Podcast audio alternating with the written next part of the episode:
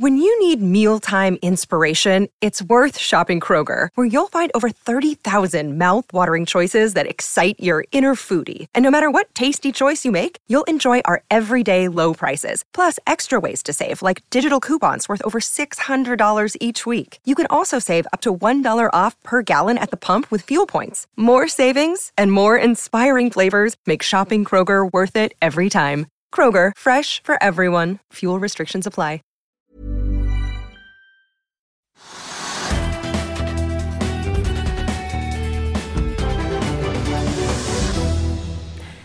Velkommen tilbake til Økonominyhetene. I dag skal vi kommentere det som skjer på Oslo Børs og verdensmarkedene. Vi begynner her hjemme på Oslo Børs. Trygve, I dag er det negativ stemning. Kanskje ikke så rart med tanke på helgens eh, Nei, altså, begivenheter, eller kan ikke kalle det begivenheter, eller nei, utvikling. Stygg, stygg utvikling, vil jeg Ja. si. Nei, men eh, markedet er ned en halv prosent. Og det er ikke så veldig overraskende. Altså, vi hadde jo et, fanta- et fantastisk børsår i fjor, hvor markedet var opp over 16 Det var mer enn de fleste hadde regnet med. Og det var også amerikanske børser som var opp over 20 Så Vi hadde et godt børsår i fjor, og så er det veldig spennende hva som skjer i år. Uh, og så er markedet litt ned, og det skyldes som du sier det at det er usikkerhet i verden. De amerikanske børsene starter også ned. og Oslo Børs er ned en halv prosent. Og det er fordi at Og vi så Asia-børsene stupte jo i dag morges. I Tokyo var børsene ned mellom 1,5 til 2% ja. Men det, det som er poenget, er jo da det at det er en sånn krigslignende situasjon. altså Hvor da USA da dreper eh, en av lederne i Iran. Det er jo det får være USAs anliggende. Det er klart det skaper uro i markedene, fordi at man vet jo ikke da hva som skjer neste, neste gang. Og de, Iran har jo da truet med at de skal hevne dette på en eller annen måte. I områdene rundt Midtøsten, andre steder, hvor som helst i verden, så vil de hevne det. Der hvor USA har bl.a. blant Ja, altså- soldater. Ja, og det skaper usikkerhet. og det kan vi se på. For det første så er oljeprisen opp, til å begynne med opp. Så oljeprisen spratt jo opp fra 66 dollar per eh, fat for brentoljen til over 70 dollar per fat. Bare I dag tidlig eller i natt så var den over 70 dollar per fat. Så har den falt tilbake til 69,50 eller sånt nå. Så det er litt ned, men klart at oljeprisen er litt avhengig av hva som skjer. Tenk hvis altså Iran stenger Hormuzstredet. Da går oljeprisen rett til 100 dollar per fat. Så liksom det er usikkerhet i det. Så er det masse andre usikkerheter, og det liker ikke verden. Eh, Og, og vi kan også se det på DNO-kursen, altså det norske oljeselskap, som da har vært ned 10-12% i dag. Fordi at De områdene hvor de har olje, er jo da i Kurdistan, i Nord-Irak. Og Der kan man jo regne med at det kanskje blir krig. Eh, Eller Man vet jo ikke hva som skjer. og Det er klart at det er ikke bra for de oljeinstallasjonene som DNO har.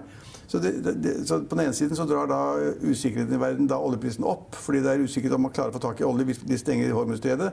På den andre siden er det da enkelte operatører som DNO som er veldig utsatt hvis det blir krig, krig i områdene hvor de installasjonene kan bli ødelagt eller stengt. Ja, Vi vet jo at USA tidligere har innført sanksjoner mot Iran. Det har vært en eh, tilspisset situasjon mellom de to landene. Men den eskaleringen vi nå har fått ved inngangen til det nye året, hvor alvorlig er det? Jeg mener det er veldig alvorlig. Altså, de, de har tro nå at alt plutselig glir over, at Iran tenker at ok, han drepte generalen vår, eh, landets nest mektigste person, men det må kanskje USA og Donald Trump få lov til å gjøre, så la verden passere revy og gå videre. Det tror ikke jeg noe på. Altså, verden er usikker nå. Det kan bli angrep fra Libanon mot Hizbollah der, i Libanon mot Israel. Eh, Det kan bli stengning av Hormuzstredet, som jeg sier. Det kan være raketter sendt fra Iran inn i Israel. Det kan være eh, angrep på ambassader rundt om i verden. Neste, neste gang vi får et angrep på en ambassade, så vil da sannsynligvis Donald Trump si at det der skal vi hevne, vi også. Han har jo sagt at hvis da Iran gjør mer, så vil vi gjøre ti ganger så mye eller hundre ganger så mye. Og så videre. Det, det er ikke bra. Og den eneste grunnen til det jeg kan si at de amerikanske børsene åpner negativt og ned samtidig med at vi åpner nå, det er det at man er usikker på, på verden. Og det blir det mer krig, så er det ikke bra. Blir oljeprisen høyere og høyere, så er det ikke bra for verdensøkonomien. Men det er kanskje bra for Norge i noen måneder. Ja, for et at. Aker BP har jo da vært opp rundt en halv prosent. Akkurat nå 0,4. Equinor har vært opp mer. da Ja, har vært Equinor, 2 Equinor er nå opp 1,7 akkurat nå. Det har altså falt litt tilbake med oljeprisen. Nesten 2 mens da Aker BP ikke har gått så veldig mye opp, faktisk. Bare lite grann. Ja, og så ser vi også at en rekke oljerelaterte aksjer stiger i dag. Vi kan jo ta med oss at PGS er opp eh, nesten eh, 9,3% Det skyldes at de, det har kommet en positiv eh, anbefaling fra Arctic. De sier at de kommer til å få finansen i orden. Det kommer ikke til å være nø- nødvendig å hente mer penger, og de har de skipene som er nødvendige, og de vil levere en kontantstrøm som er god nok. og det er kanskje, Jeg har ikke sett nærmere på det, men det har da fått den aksjen opp. Og Polarcus stiger 7 Ja, men det er, det, ja.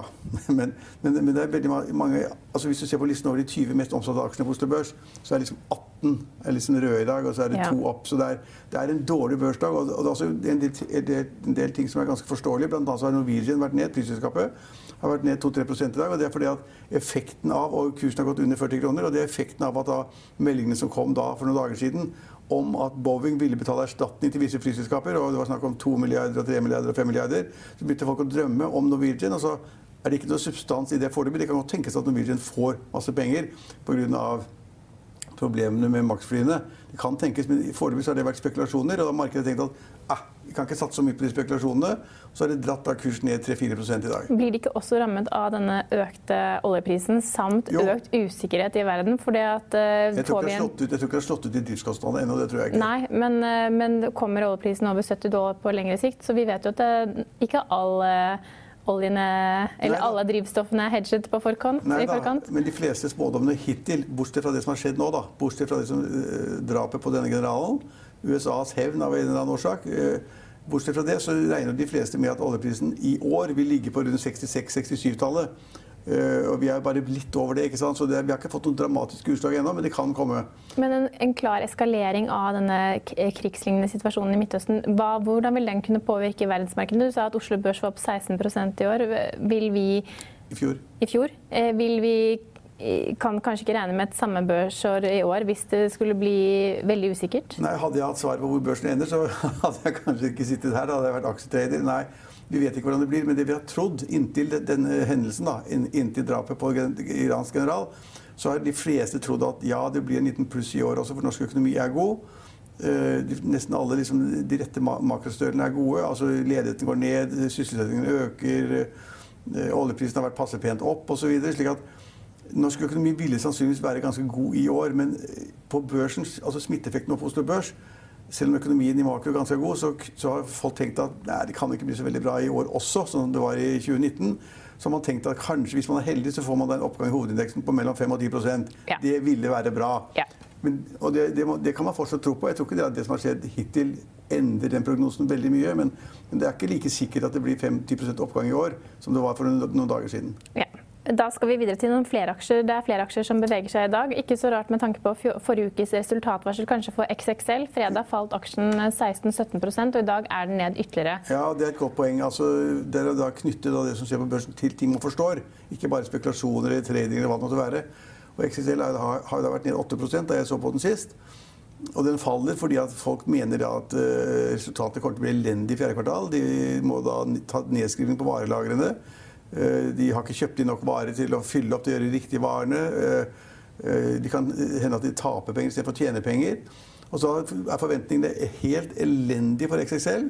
Og Til tross for at de har fått et oppkjøpsfond inn på eiersiden, Ja, men- og eieren nå selv sitter som CEO. Eller Ja, det er, et godt hovedeieren. poeng, det er et godt poeng, men altså det oppkjøpsfondet skjønte ikke helt hva de gjorde, tror jeg. For det første hele det generelle bildet med varehandel og greier. Konkurransen i sportssektoren, det, det må du skjønne like godt som det er meg, kanskje. Eh, Men de har liksom undervurdert problemene, og så fikk man da det frem at man Og så fikk vi jo da Oslo-området, som du og jeg sitter i. Det er ikke en snebit her, det er ikke snekorn her. ikke sant? Det er, helt det er, liksom, det er, det er sommervær. Og på, øh, på, og på Vestlandet hadde man da 19 grader forleden. ikke sant? Og, ja, altså, altså Jeg sport, trenger ikke å dra til Gran Canaria da, Trygve. Nei, sportsbutikkene trenger jo masse sne, og skal, folk skal ha nye hansker og nye ski og nye jakker og boblejakker og hva det måtte være. Og nå er det liksom i de store områdene, og på mange steder på Vestlandet og, og i østlandsområdet, så er det ikke noen som kjøper noe som helst, sannsynligvis. Og det vil da prege salget eksisterer også i første kvartal, sannsynligvis. Elendig fjerde kvartal, kanskje i første kvartal. Så må de kanskje ut og hente penger. De har da selvfølgelig oppkjøpsfondet nok av, så det er ikke, det er ikke problemet. Men tilliten til XXL, XXL som aksje, den er bånn. Nå må du korrigere meg, men altså, hvis jeg husker rett, da de gikk på børs, så var det rundt 60 kroner eller sånn nå. Så steg XXL-kursen til 110 eller 120, og så har den falt ned til 15 kroner eller sånn nå. Ja. Det, er, det er krise. Det er krise. Den aksjen bør man ikke være i hvis man ikke da tror at ved å gå inn på det de tror er bånn, før man da kaller inn kapital, så kan man kjøpe på bånd og håpe at man får med, får med seg oppturen. Men hvis de da skal kalde, hente mer penger, en halv milliard eller en milliard kroner, for å få det plassert i markedet, så må de da senke kursen under disse 14-15 kronene det er nå. Ja. Det... Og Danske Bank mener at problemene ikke er langt fra over. Kutter, kutter kursmålet fra 13 til 10 kroner og anbefaler salg av aksjen. Ja, Kom deg ut om ikke det er for sent, si. det vil også jeg nesten gjøre, for Dette skjønner jo folk. De skjønner Det er ikke sne. Det er ingen som går i sportsbutikken og kjøper tre par nye ski. Nå skal man heller ha sykkel, tenker jeg snart. og og, og skateboards og hva det måtte være. Så er, de er inne i en kjempedårlig tid. Og så hadde de alle de problemene i fjor da med det at de herset med de ansatte, og det var sånne militærkoloni og avstraffelser og situps og hva det måtte være. Hvis de ikke hadde solgt nok, eller hvis de ikke hadde gjort de riktige tingene. Så hadde de jukset med førpriser og nåpriser osv. Selskapet er i en skittutvikling. Ja. Eh, det har også kommet boligpristall i dag. Ja. Vi har jo fått fasiten for 2019. Ikke overraskende over landet over ett er vi opp 2,6% mens i Oslo steg boligprisene 5,5 Det dobbelte. Så prisveksten er det dobbelte i Oslo, og det tror jeg kanskje kommer til å fortsette. Oslo er et spesielt marked, og der eh, er vi helt avhengig av at det bygges masse nytt. fordi at det, man sier om det er riktig eller ikke, man sier at man trenger liksom 5000 boliger i året i Oslo-området. Så bygger man bare halvparten nå. Hvis man ikke får bygget mer, så vil prisene gå opp ytterligere. fordi at liksom det er for liten, liten tilbudsside. Mens i andre steder i landet, sånn som i Stavanger, så er tilbudssiden for stor. ikke sant? Og, så, eh, altså Boligprisene sank jo i snitt for landet med 0,8% og så er det da eh, litt bedre enn det pleier å være. slik at Sesongkorrigert så er det litt opp 0,1% I desember. Ja, i ja. desember. Og så ble prisene omtrent som ventet, som du sier, 2,5 eller 2,6% Og så er det de fleste tror nå det at markedet blir ganske kjedelig i år også. Ja, det samme utviklingen som vi har sett i 2019 ja, vil fortsette i 2020. Men så i 2021 og 2022. For de som gikk glipp av den boligpodden vi hadde i romjulen og de sakene vi har hatt på finansvisen ennå i dag, så kan man lese at boligprisen har potensial til å stige mye mer de kommende årene dersom ikke det bygges mer. Ja, Hvis det ikke, altså, hvis det ikke reguleres mer, hvis det ikke bygges mer i Oslo og, og Oslo-området, så kan det skje. Men det vet vi ikke noe om. Det jeg er opptatt av, som jeg tror er undervurdert, det, det tok jeg også opp på podden, tror jeg, det er det at hvis ikke prisene stiger ganske pent, da altså 1-2% er ikke noe pen stigning. Det er ålreit? Det er en god balanse. Men eh, for å få da disse entreprenørene, da, enten det er Selvåg eller Veidekke eller AF-gruppen eller hvem det måtte være øh, For å få de til å bygge og bruke penger, ta penger ut av banken og låne penger i banken for å bygge, så de, må de se et bilde hvor de tjener godt. De tjener bare godt hvis prisene går opp ganske kraftig. Og hvis da ikke prisene går opp ganske kraftig, så holder de seg litt mer tilbake og tør ikke investere og holder igjen. Eh, og da vil, eh, da, da, da vil, kanskje prisene holde seg ganske flate. Ja, og disse podkastene vi snakker om, Trygve, de kan vi bare nevne kort. At vi slapp syv podkaster fra julaften til nyttårsaften, hvor eh, du, jeg og vår kollega Linn Marie Hammernes i Finansavisen snakket med en rekke kjente investorer makroeksperter, strateger og olje, olje og boligeksperter. Ja. Ja. Så, så, og de finner man på finansvisen.no skråstrek podkast. Ja, men, men, men, mitt poeng, bare, bare for å gjenta det, det er det at det, det, er fint for markedet hvis prisene også stiger ganske bra. Det, folk liker ikke å snakke om det, for det setter da fart i entreprenørene og utbyggerne. Og det er bra hvis man ikke får fart i dem så vil da, som du sier, prisene kanskje da bli litt for, prisveksten blir litt for stor i 2021 og 2022. Ja, Alle husker 2016, som var et jubelår for de som eide bolig i Oslo. Men da steg prisene med 23 de, Ikke for de som skulle inn på markedet, kanskje. Nei, da steg prisene med 23% Det får vi ikke igjen i det hele tatt. Vi snakker, vi snakker som du sa, så økte jo prisene da i fjor med rundt 2,5 eh, Det er jo balanse i markedet, bare pent og pyntelig. Og Får vi det samme i år, så er det også pent og pyntelig. Men en vektprisvekst på 23 som vi hadde der i 2016, det får vi ikke igjen. Men det var bare for Oslo, ikke hele ja, ja, ja, ja, men det var jo vanvittig prisvekst, da. Ja. Eh, ellers så kan vi ta med oss at eh, gullprisen ikke overraskende men, bare, stiger. Bare, bare for å si en ting til for, ja. for at boligmarkedet, altså Finansavisen hadde en interessant artikkel på lørdag om da en, eh, en leilighet, en blok, altså blokkleilighet i en bygård på Gimle i Oslo, som da en skulle selge. Og hva var prisen per kvadratmeter? 300 000. 300 000. Det tror jeg ikke de får. De er den er ikke solgt ennå, i hvert fall. Nei, jeg har hørt rykter om at den er fantastisk altså, innvendig. Altså. 32-årig Peder som sliter med å få solgt ja. Eh, men, altså, men, men, det jeg synes er ganske morsomt, at folk prøver seg på 300 000, nei, 300 000 per kvadratmeter. Altså, det bygge bygge en leilighet i Oslo. Jeg er ikke helt sikker, jeg har ikke bygget noen leilighet eh, som jeg kan huske. i hvert fall, Men, men er kanskje, kostprisen er kanskje 40 000-50 000 kroner per kvadratmeter. Kanskje. Kanskje litt høyere. Og, ja, men så skal man ha tomt og sånn. tomtekostnader og sånn. Så, og hvis man da klarer å få 300 000 per, kvadrat, per, kvadratmeter, så må jeg si at leiligheten da må være ganske lekker og flott innvendig. Så jeg bare slipper å løfte en finger og ikke bruke fem øre på det. Men jeg tror ikke de får den prisen. Men det er en ganske høy pris, og det indikerer noe om at for de gode tingene på de riktige stedene, så er nordmenn villige til å betale nesten hva som helst. Ja, og den samme personen som selger denne leiligheten, hadde også Norges dyreste bryllup i fjor. Eh, etter eh, Eller, eller kanskje noensinne. Ja.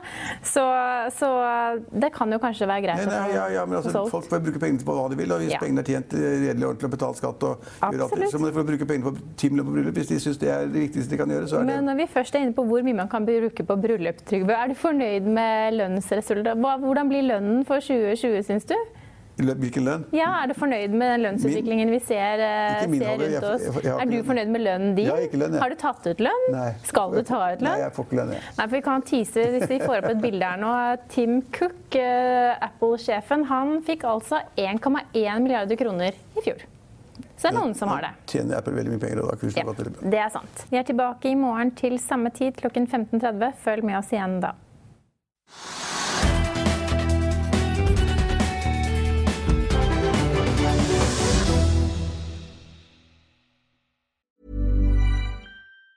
Hi, I'm Daniel, founder of Pretty Litter. Did you know cats tend to hide symptoms of sickness and pain? I learned this the hard way after losing my cat, Gingy. So I created Pretty Litter, a health monitoring litter that helps detect early signs of illness by changing colors, saving you money and potentially your cat's life. Pretty Litter is veterinarian developed, and it's the easiest way to keep tabs on your fur baby's health right at home. Go to prettylitter.com and use code ACAST for 20% off your first order and a free cat toy. Terms and conditions apply. See site for details. When you drive a vehicle so reliable it's backed by a 10 year, 100,000 mile limited warranty, you stop thinking about what you can't do and start doing what you never thought possible. Visit your local Kia dealer today to see what you're capable of in a vehicle that inspires confidence around every corner. Kia, movement that inspires. Call 800 333 4KIA for details. Always drive safely. Limited inventory available. Warranties include 10 year 100,000 mile powertrain and 5 year 60,000 mile basic. Warranties are limited. See retailer for details. Økonominyhetene er en podkast fra Finansavisen. Programledere er Marius Lorentzen, Stein Ove Haugen og Benedikte Storm Bamvik. Produsenter er Lars Brenden Skram og Bashar Johar. Og ansvarlig redaktør er Trygve Hegnar.